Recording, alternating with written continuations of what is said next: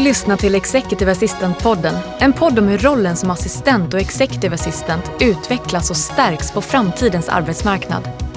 Podden produceras av Företagsuniversitetet i samarbete med nätverket IMA, International Management Assistance, rekryteringsföretaget Inhouse, röst och ljudproducenterna Online Voices samt Nordic Choice Hotels.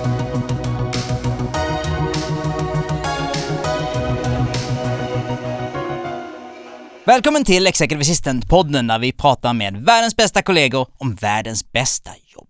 Jag heter Daniel Kjellson.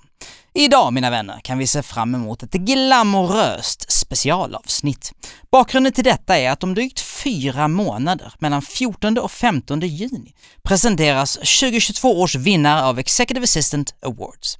Sedan 2009 har Företagsuniversitetet och nätverket IMA tillsammans med Nordic Choice Hotels och rekryteringsföretaget Inhouse premierat branschens stjärnor. Och jag darrar lite på manschetten idag mina vänner, för med oss har vi inga mindre än prisets jury. Välkommen önskar jag Stefan Haglund, eh, VD på Företagsuniversitetet. Tack. Eh, Maria Cirillo, EA på Skogsindustrierna, men idag representant som eh, ordförande på IMA. Tack. Kajsa Tamsen, partner på rekryteringsföretaget Inhouse. Tack så mycket. Och Håkan Holstein, Regional Sales Director på Nordic Choice Hotels. Tackar, tackar. Va, vad kul att ha er här. Det är roligt att vara här. Stefan Haglund, om någon mot all förmodan sitter som ett frågetecken just nu och tänker vad är Executive Assistant Awards? Vad är det? Ja, jag tyckte att du sa det så fint själv alldeles nyss, men jag kan fylla på och säga att det är en ceremoni där vi sätter strålkastarljuset mot en yrkesgrupp som normalt jobbar i bakgrunden. Och rent praktiskt så är det två utmärkelser som vi delar ut. En som heter Årets Executive Assistant och en specialutmärkelse som heter Upcoming Executive Assistant of the Year. Så de två utmärkelserna delas ut under normalt festliga omständigheter. Mm. Maria, som sagt, du representerar ju IMA här men är också eh, den enda här som faktiskt eh, vet vad jobbet innebär first hand. Vad betyder det här priset för branschen tror du? Jag tror att det betyder otroligt mycket om eh, vi nu säger branschen är alla executive assistants. Alla kollegor ja. ja. alla kollegor.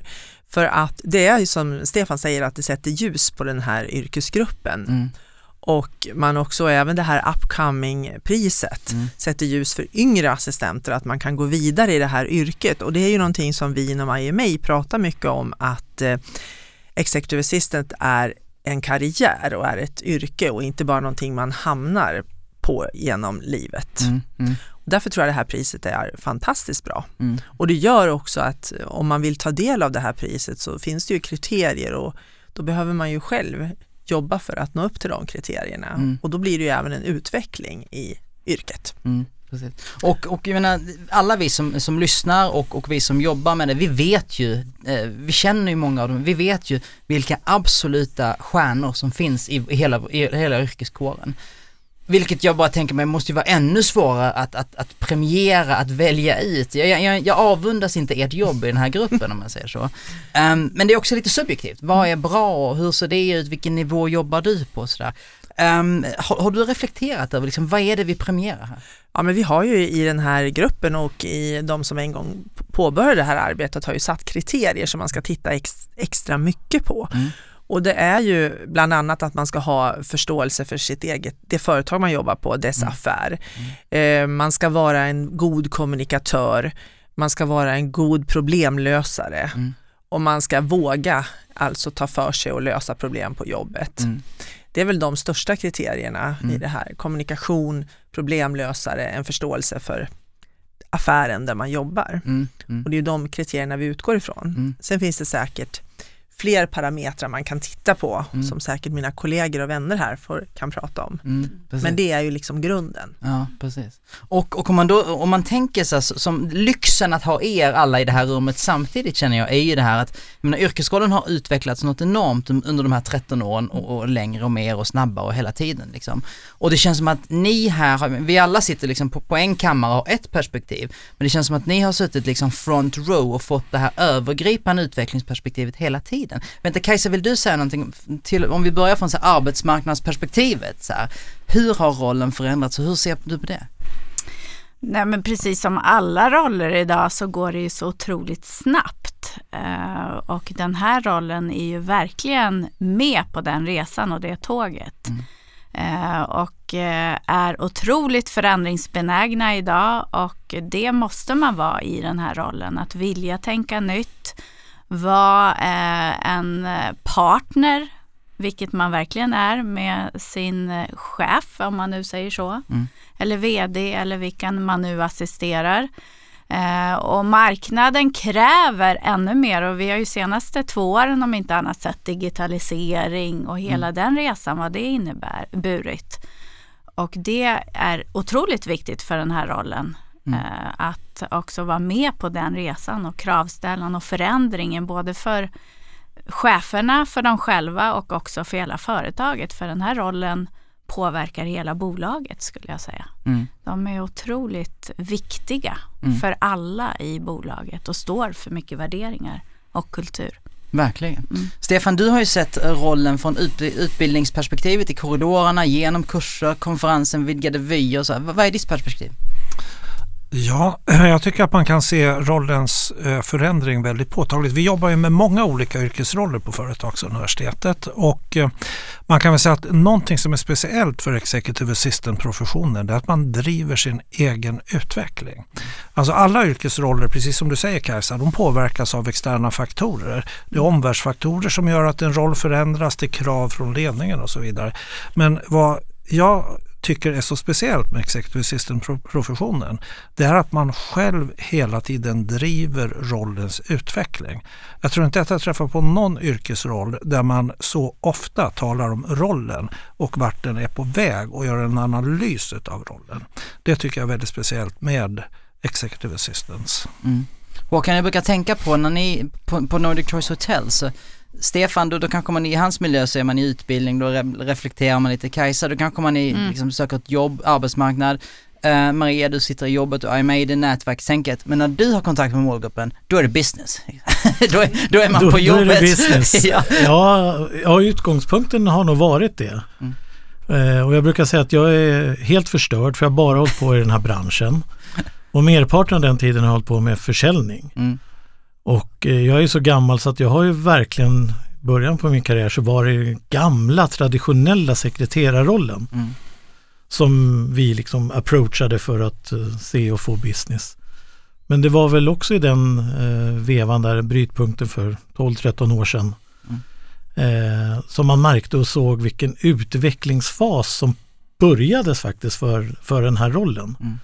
Och då kände vi att vi vill inte bara liksom kunna ha kontakt för att driva försäljning för våran del utan lära känna den här målgruppen.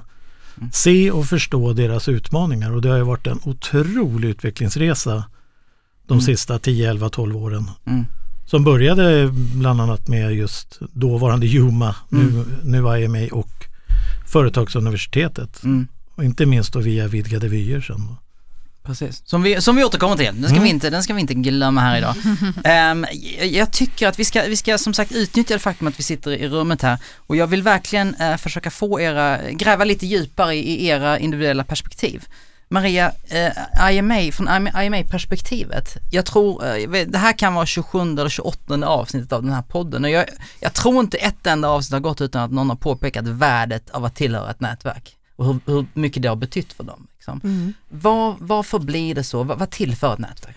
Jag tror att IMA då som nätverk, och det finns ju andra nätverk också för eh, chefsassistenter och executive assistants, men jag tror att många i den här rollen jobbar ganska ensamma. Mm. Även om man har jobbat på ett stort företag så är man inte många som har den här rollen. Nej. Utan det kan ju på ett riktigt stort företag kanske finnas en handfull. Mm. Men ofta sitter man helt själv eller ensam. Och det gör ju att eh, man får lösa många saker ensam och man har sekretess, hanterar sekretess och mycket. Och då är nätverket där man får träffa andra som också är i samma båt mm. väldigt viktiga. Att få liksom dryfta idéer, tankar, problem man kanske har haft och så.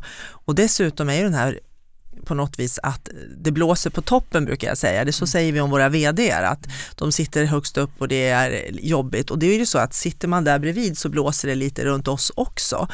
Eh, och då kanske man inte springer ut i fikarummet och dryftar det man har eh, som tynger en utan istället kan man göra det då i sitt nätverk där alla har samma sekretesskrav på sig från sina företag. Mm. Jag brukar säga att när man sitter på ett flygplan, då vill man inte att andra piloten kommer ut och ser likblek och jättestressad. Liksom. Det är lite som en executive assistant. Ja, för så är det ju. Man är ju ja. en, en, bärare av sitt företag och sin, och sin chef eller vds varumärke på något sätt. Mm, mm. Så är det. Eh, Stefan, utbildningsperspektivet tänker jag på. Eh, Företagsuniversitetet har genom åren utvecklat otaliga utbildningar för assistenter, executive assistants, vi nämnde vidgade vyer, branschens stora konferens och sådär.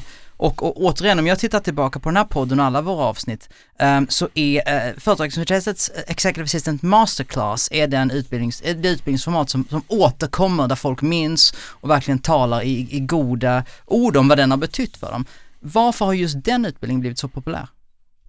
Jag tror att det finns två orsaker till det. Första orsaken är nog att den att utbildningen följer rollens utveckling väldigt väl. Om man nu talar om det här, hur har Executive Assistant-rollen utvecklats? Den har utvecklats på många sätt, men man kan se några tydliga delar.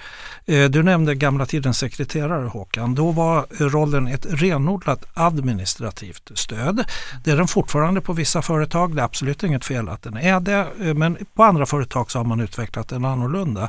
Så att den förutom att vara ett administrativt stöd också är ett affärsstöd, ett verksamhetsstöd. Att man stödjer också i processerna i företaget.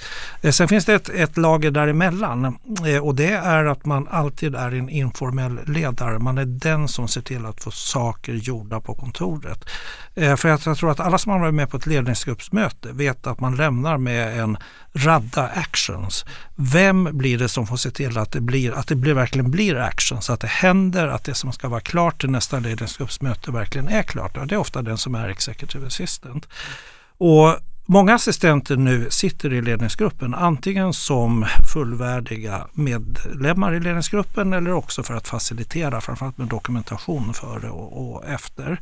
Eh, och om man inte sitter i ledningsgruppen så verkar man ofta nära ledningsgruppen. Och då måste man förstå mycket om de frågor som behandlas i ledningsgruppen. Man måste kunna en del om HR, man måste kunna en del om ekonomi, man måste kunna en del om hållbarhet. Nu måste man kunna en del om säkerhet och man måste kunna en hel del om ledning. Mm. Och alla de delarna har vi inkluderat i Executive Assistant Masterclass-utbildningen så att det blir ett smörgåsbord mm. av de saker som man ofta talar om i en ledningsgrupp. Det tror jag är en av orsakerna till att den har blivit väldigt populär. En annan är att det bildas små mini nätverk av de här grupperna. Jag minns en grupp som startade 2013. De träffas fortfarande fyra gånger om året hos varandra till exempel. Wow. Så, det, så de här minnenätverken är också en, en bidragande orsak. Mm, verkligen. Och, och vi, vi återkommer till, och jag oftast av alla säkert, den här hur rollen har utvecklats. Jag, jag tänker på dig Kajsa, för du kan vara vår liksom reality check lite, när vi säger att så, nu ses rollen så här och nu värderas rollen så här och sådär. Ser du samma sak på arbetsmarknaden när, när, när företag vill rekrytera en assistant? Har det förändrats också? Ja, men som alla ni andra säger så handlar det, förut var det mycket mer specialiserade roller och man kanske behövde mer en expert på olika saker. Idag är det ju ett smörgåsbord. Och det är väl våran utmaning från vårt perspektiv att ja men vad är det ni verkligen vill ha? För alla vill ju slänga in alla verktyg i verktygslådan. Och så är det ju idag. Eh, man ska kunna lite av mm. allt. Mm. Eh, men också vara den här gatekeepern. Mm. Jag tänker också det eh, som man kanske ska lägga till är ju också juridiken som Absolut. ligger där också. Verkligen. Att man ska kunna förstå avtal, mycket förhandling. Man är den här bromsklossen mot både organisationen och vd, styrelser och omvärld egentligen. Mm. Eh, så, så, att rollen, det är ett smörgåsbord och det måste vi som rekryterare i alla fall och också hjälpa kunderna med mm. idag. Att förstå vad är, vad är utmaningen inte bara idag utan också framåt så man hittar rätt person mm. på resan. Mm. För mångt och mycket idag så handlar det återigen om det här med partnerskapet och mm. vikten att man förstår varandra mm. och man ligger ofta steget före många gånger som mm. executive assistant. Mm. Och då måste man förstå både rollen, verksamheten och sin ja, chef Mm, så att säga, mm, eller VD. Precis. Jag brukar ofta eh, säga och tänka att om man befinner sig lite tidigare i sin karriär eller, eller när som helst egentligen, att titta på um, jobbannonser där ute. Va, hur, hur företag och, och agenturer formulerar vad de letar efter kan vara en ganska bra benchmark om man vill titta på vad, vad ska jag addera, vad ska jag lära mig lite mer av. Så håller du med om det? Absolut. Eh, Och också återigen fråga. För Mm. det handlar ju mycket om den här rollen idag. Är det ju en, en väldigt fin roll. Mm. Man får vara i, i finrummen. Mm. Eh, och det tycker jag är någonting som vi måste lyfta. Att bara för att det heter executive assistant så är det som också Stefan säger, man sitter med i ledningen Mm. många gånger. Mm. Eh, Så att det handlar ju också om att prata om och vad det innebär och möjligheterna Mm. Mm. som vi pratar i den här rollen. Det är faktiskt en väldigt Mm. eh, kvalificerad roll, så ska jag säga. Verkligen. Och, och i- det, det kommer inte överraska någon som har eh, lyssnat på den här podden. Men Maria, Maria, jag tänker på dig. Det är ju intressant att här sitter vi, fem personer i en studio. Fyra av oss pratar vitt och brett, men vi har aldrig jobbat som assistenter, eller hur? Nej. Och, så pratar vi om, om det du vet bäst av alla här. Men visst är det ett styrketecken för rollen? Att helt plötsligt är det liksom talk of the town och någonting som finns på agendan? Absolut, för det gjorde det ju inte, det, som Håkan sa, i 13 år sedan. Jag måste rätta lite där, för jag tycker att de, jag har jobbat som executive assistant i 22 år snart. Mm. Och jag tror att när jag började år 2000 så tror jag att rollen hade börjat ändras redan där. Jag tror att Mm. den ändrades i och med att jag brukar säga att den ändrades i och med att det var, blev en stor uppsägning i, i Sverige runt 92. För då sa man upp så mycket administratörer och sen när man började återanställa dem, då ville man inte ha bara administratörer. Då hade Mm. man sett att man ville ha något annat och det vart ju flest, de flesta som blev anställda blev ju mer på de högre assistentrollerna då. Mm. Så jag tror att där började det, men sen tog det ju verkligen fart som, som Håkan här har nämnt för 13 år sedan med Mm. förändringen. Men eh, det som är så roligt och det är absolut så att det har blivit talk of the town, att det är bra för våran roll. Mm. Och eh, även det att mycket i rollen är ju administration och som är, vad ska man säga, bröd och smör i den här positionen. Mm. Men sen är ju det roliga att du kan utveckla den i din inriktning. Mm. Vad man lägger till eller vad företaget behöver. Det kan ju bli så, träffar du tio executive assistant en kväll så gör vi tio olika saker fast Mm. kanske grunden, eh, det är liksom eh, mur, murbruket så att säga. Mm. Men sen så, så finns det ju olika saker. Några jobbar mer med juridik, några jobbar med har- och har själva styrt in det på det man tycker är, Mm. är man är bäst på så att säga. Mm. Mm. Håkan, nu ska du få en sån här klassisk EA-podden-fråga, oförberett och på uppstuds och, och, och kan vara svårtydig. Men, men när jag tänker på Nordic Choice Hotel så är det så här, man, man kan bygga ett stort hus och man kan ha ett konferensrum, men man får inte liksom personligheten eller kulturen som Nordic Choice Hotels har, för den måste man skapa på ett annat sätt liksom. Och på samma sak tänker jag, så vem som helst kan, kan boka ett konferensrum eller boka ett event.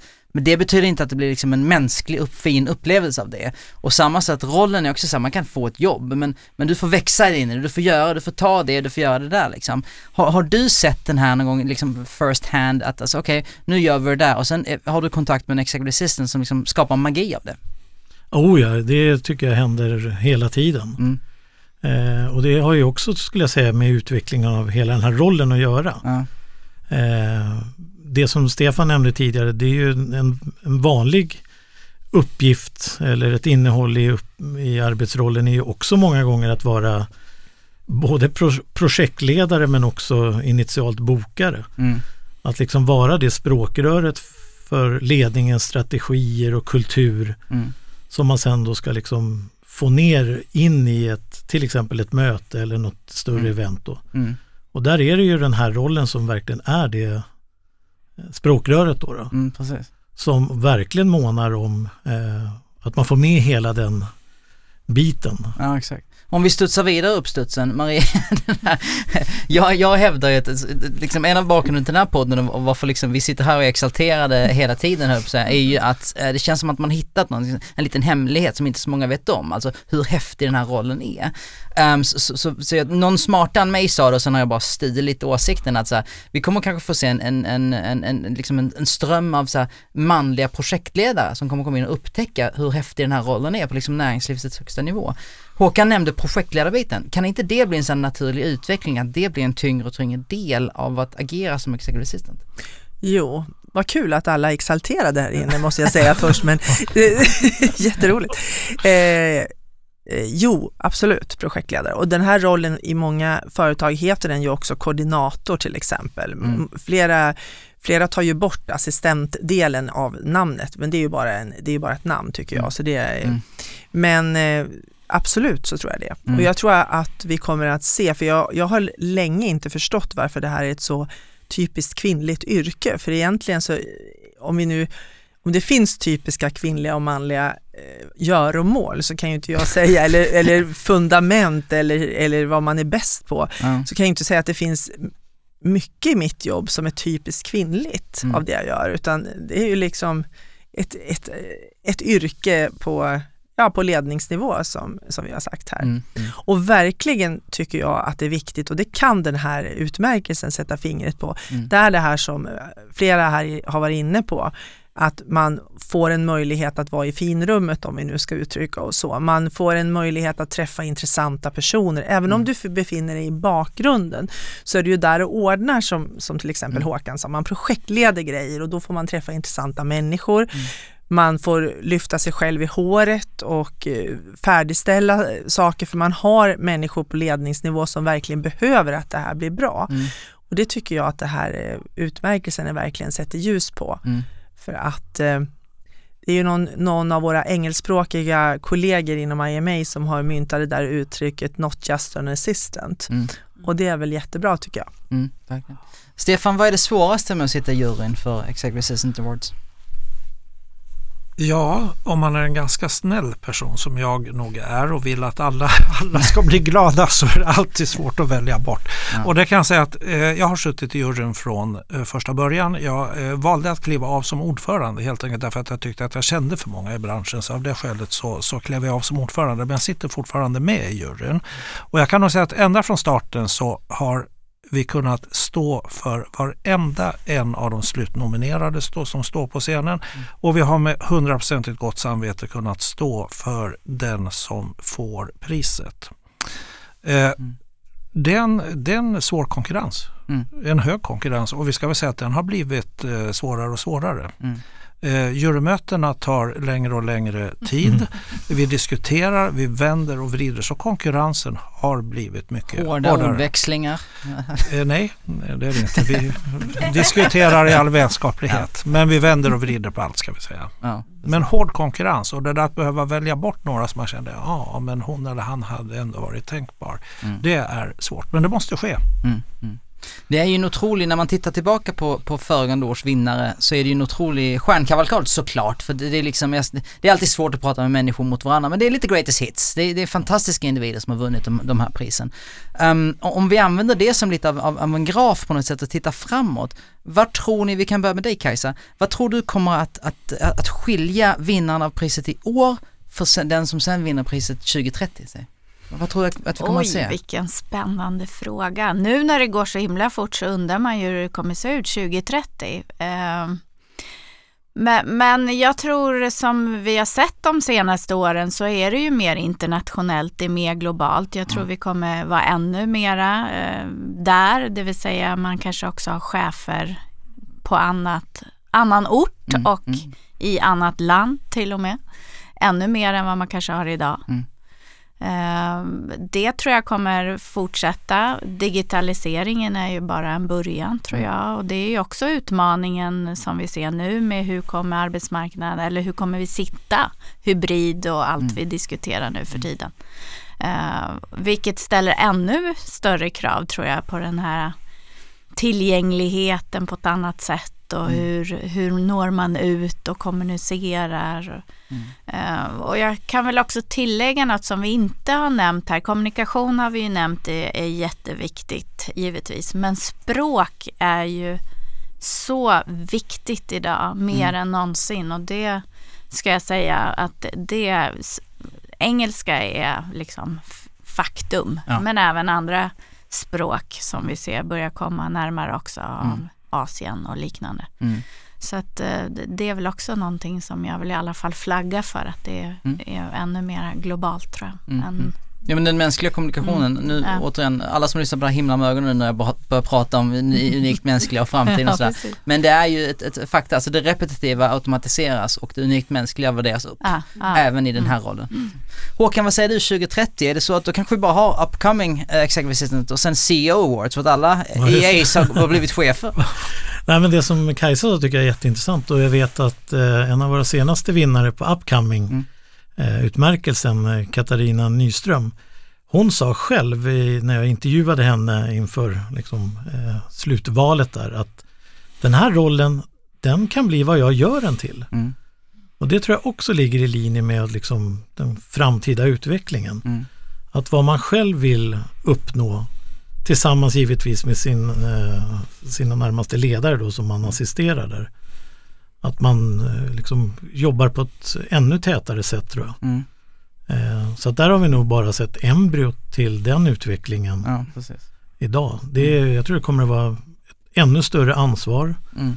Eh, jag tror den här koordineringsförmågan som du var inne på Maria, den tror jag liksom kommer att få ett ännu större värde och innehåll i, i den här rollen framåt i tiden. Ofta när man tittar på utveckling, och det kan vara en aktie eller liksom en utveckling, samhällsutveckling, vad som helst, så är det ju lätt att tro att ah, jag missade det tåget eller nu har det hänt. När man egentligen bara är, i, i, som du säger, i början av utvecklingen. Och det är fascinerande att titta på det som har hänt då, till exempel, frågar dig Maria, det som har hänt under de senaste, du sa 20 år till och med, om det bara är början. då vågar man knappt tänka på prisutdelningen 2030. Nej. Och vi ser ju utveckling också i, vi har ju faktiskt eh, tidigare vinnare som eh, har vunnit som nu är i ledningsgruppen. Mm, mm, Som helt fullvärdiga liksom, medlemmar där om Ja, man uttrycker ja. sig så. Så att, eh, det är ju en otrolig utveckling och många av de här som har vunnit den här upcoming i, Mm. vid intervjuer med dem, de ser ju inte det här som en titel. Nej. eh, som vi kanske har gjort traditionellt Mm. utan de ser ju det här som världens spännande ja. Eh, roll Och och, det har de ju och arbetsinnehåll också. Verkligen, verkligen. Ja, det är ju, alltså jag tycker det, är så bra när ni säger att det har världens, eh, världens roligaste arbete när vi lyssnar på den här podden, för det Mm. är ju verkligen ett jätteroligt arbete och mycket det som, du, som nu Håkan sa, att man kan göra rollen lite till det man vill Mm. och även vill jag knyta an till det du sa här om eh, de här mänskliga kvalifikationerna och det tror jag än, kommer att bli ännu viktigare framåt ju Mm. mer digitaliserade vi blir. Och på något vis så tror jag att eh, den här rollen kommer att vara lite utav det emotionella kittet på företagen. Därför att många är specialister och sitter med sin sak. Och eh, då tror jag den här personen som då följer upp och ser till att saker och ting blir gjort också har det här, kommer att ha det här mer emotionella ansvaret på företagen. Mm. Så det tror jag också kommer att bli en stor bit framöver. Mm. Och det är väl därför som eh, kanske det här med varumärke talas mer Mm. och mer om. Att, eh, den, att assistentens varumärke måste överensstämma med chefens Mm. varumärke. Mm. Därför att man blir ju en förlängning utav chefen i organisationen. Chefen är väldigt ofta borta Mm. och då måste den som executive assistant se till att arbetsflödena löper på, att saker blir gjorda, bevaka chefens intressen. Och det fungerar egentligen bara om, man, om varumärkena är li, eh, likartade, att det är samma varumärke mellan assistent och chef, annars så går det inte. Nej, precis. Och Stefan, vad ser du? För jag menar, när ni på, på Företagsuniversitetet, ni, jag är också en del av Företagsuniversitetet, dis, disclaimer, men när, när vi tittar på kurser, om man utformar, utformar en kurs helt enkelt, det människor eh, kommer dit för att lära sig, det är ju en spegling av rollens utveckling också. Vad tror du att vi till exempel kommer få se mer av i den typen av utbildningsplaner? Eh, Jag tror att vi ser mer av eh, projektledning. Eh, Jag tror att vi ser mer av juridik som nämndes här. Eh, Vi eh, reviderar ju Executive Assistant Masterclass regelbundet och vi hade ett utvärderingsmöte så sent som för två veckor sedan. Du var med bland annat Ja. Maria. Och då konstaterade vi också det här att faktiskt säkerhetsfrågor, kanske i synnerhet cybersäkerhetsfrågor, är det väldigt viktigt att man är medveten om som Executive Assistant. Så det kommer vi att lyfta in från och med, från och med hösten. Men de stora dragen, det tror jag nog ändå är projektledning och det som Kajsa tog upp, nämligen internationalisering. Eh, och eh, vi brukar säga så här att eh, de flesta är ju väldigt bra på engelska nu. Mm. Eh, men att sköta sitt jobb fullt ut på engelska i internationell miljö. Mm. Det är någonting mer än att vara bra på engelska. Att sköta sitt jobb fullt ut på engelska i internationell miljö. Det tror jag att vi behöver träna väldigt mycket mer och det gäller verkligen inte bara executive assistant-rollen utan det gäller de flesta. Mm. För man vill vara lika bra som man är på svenska i Sverige mm. när man jobbar på en internationell arena på engelska. Man vill kunna sköta sitt jobb lika bra. Man vill kunna sköta sitt jobb fullt ut. Så att internationaliseringen tror jag också. Mm, verkligen. Um, vi nämnde, vi har nämnt flera gånger uh, Upcoming Executive Assistance Award, alltså årets nykomling, nästa generations assistent, välj, välj svensk omskrivning. Maria, jag tänkte fråga dig, när, när, när vi ser nästa generations stjärna, är du hoppfull? Jag menar, har, vad har hänt? Jag tycker det är mycket hoppfullt. Ja. Eh, Katarina som nämndes här, mm. jag lyssnade på, du hade podd med henne. Katarina Nyström från Klarna, precis. Just det. Mm. Och när jag lyssnade på den podden blev jag ju bara lycklig. Hon mm. var ju så framåt och eh, verkar ha liksom, eh, dels vill hon göra rollen till sin, men även ändå känsla för vad, vad mm. rollen är i grunden. Mm. Så jag tror att det, man blir bara glad. Verkligen.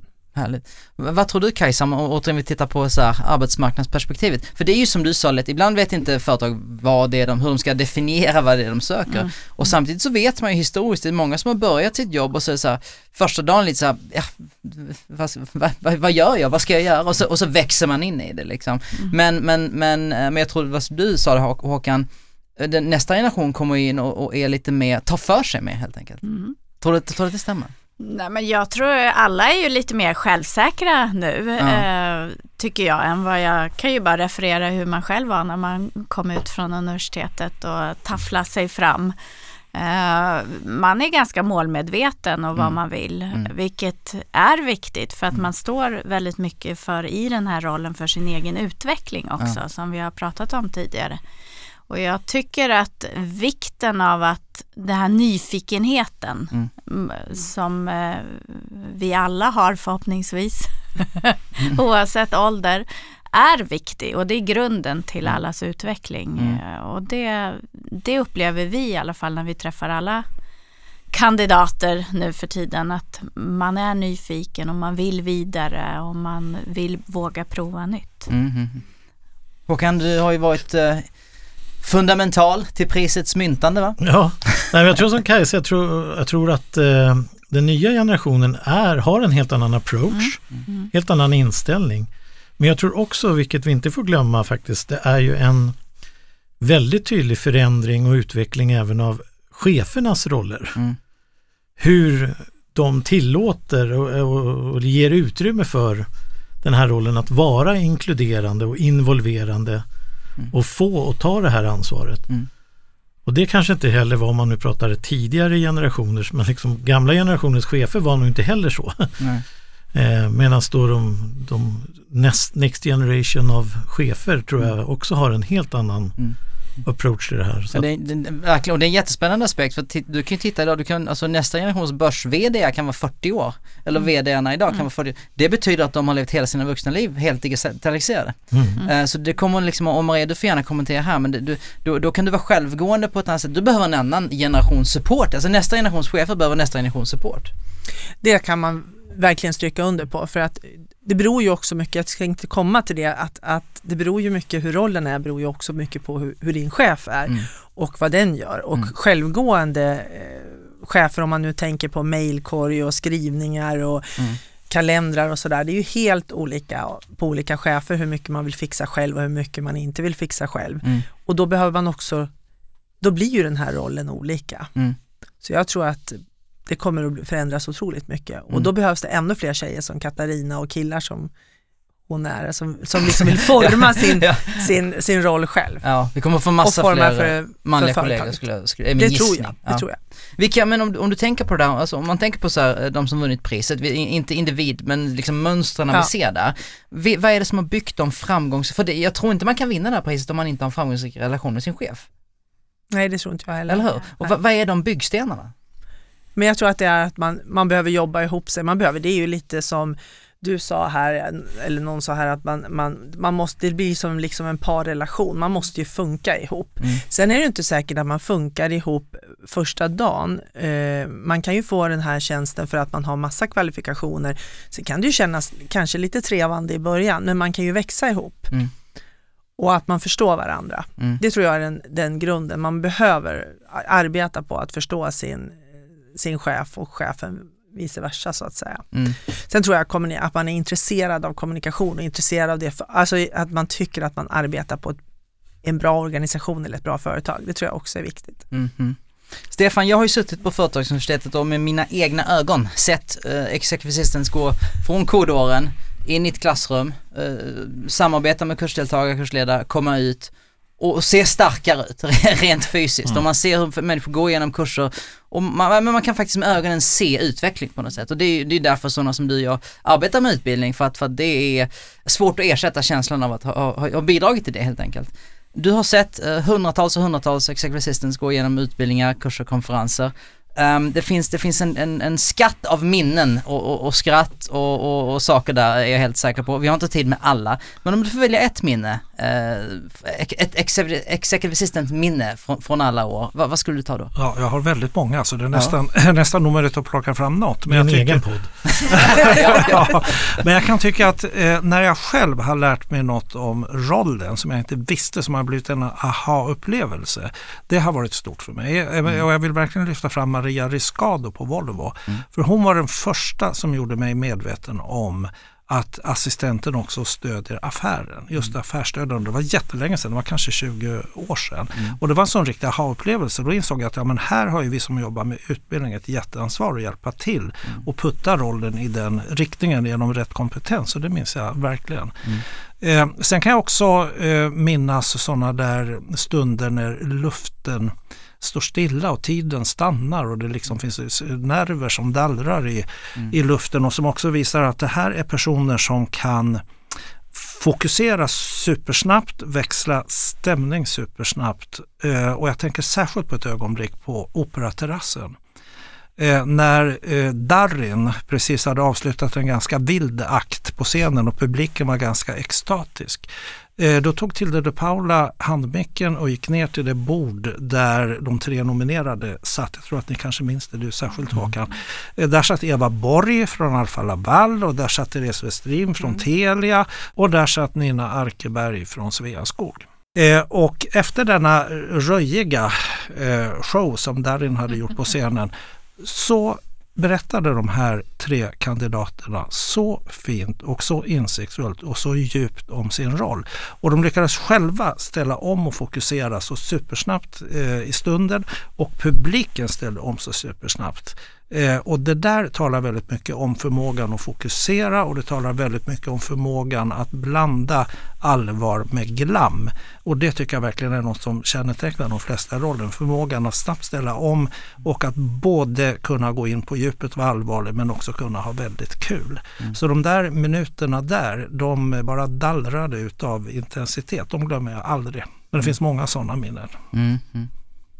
Nu blev jag sugen på att höra fler minnen. Var det bara för det? är det någon som vill lägga till någonting där?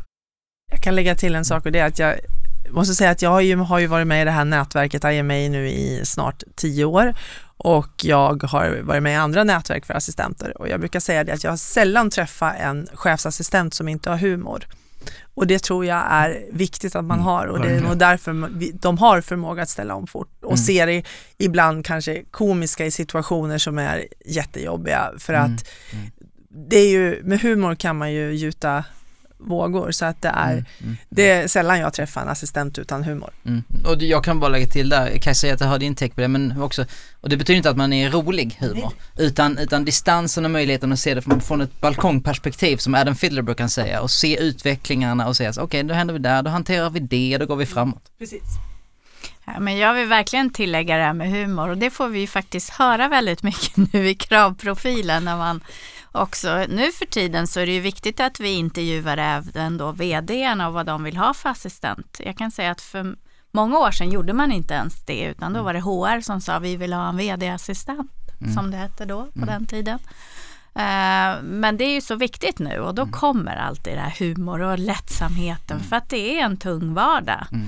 Eh, och då behöver man liksom kunna eh, slå varandra i sidan lite och skratta emellanåt. Så att, ja, verkligen. Mm. Eh, och det är väl härligt att vi får jobba med det. också. Verkligen. Jag får. I den här Skratta.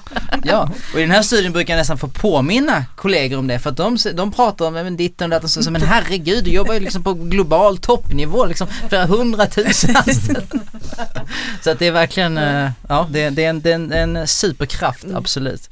Nu är det så här mina vänner att nomineringen till 2022 års pris stänger den 14 april.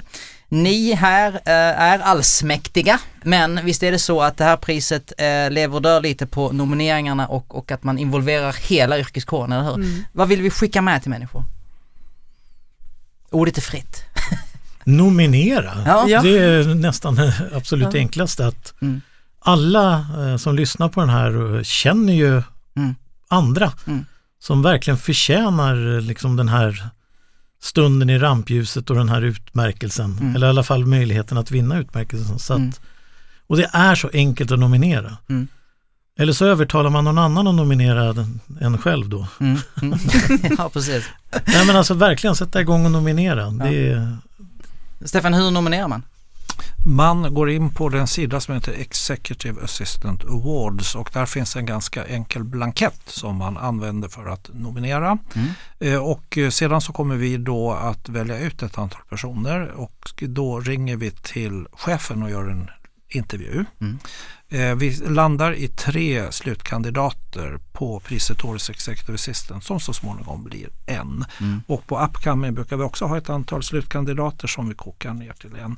Men det är lätt att nominera. Gå in på executiveassistantawards.se och eh, fyll i blanketten. Och eh, jag tycker det absolut eh, enda och bästa råd man kan ge det är det som Håkan just gav. Nominera. Därför Mm. att det finns så många som är värda att lyfta fram. Och nu blev jag nyfiken igen. När man då ringer upp chefen och frågar saker, minns vi några sådana samtal? Framförallt minns vi att när vi ska försöka då få tag i chefen så är det nästan omöjligt. För då sitter en executive assistant i vägen ja, som både hanterar mail och telefon. Ja. Så att det är mycket sån där eh, detektivarbete vid sidan av och få tag i andra nummer och andra via andra kollegor och Mm. eh, sånt här. Så att det är väl eh, det är någonting som jag ofta tänker på och man råkar ut för hela tiden. Jag tänkte på det du sa där att Mm.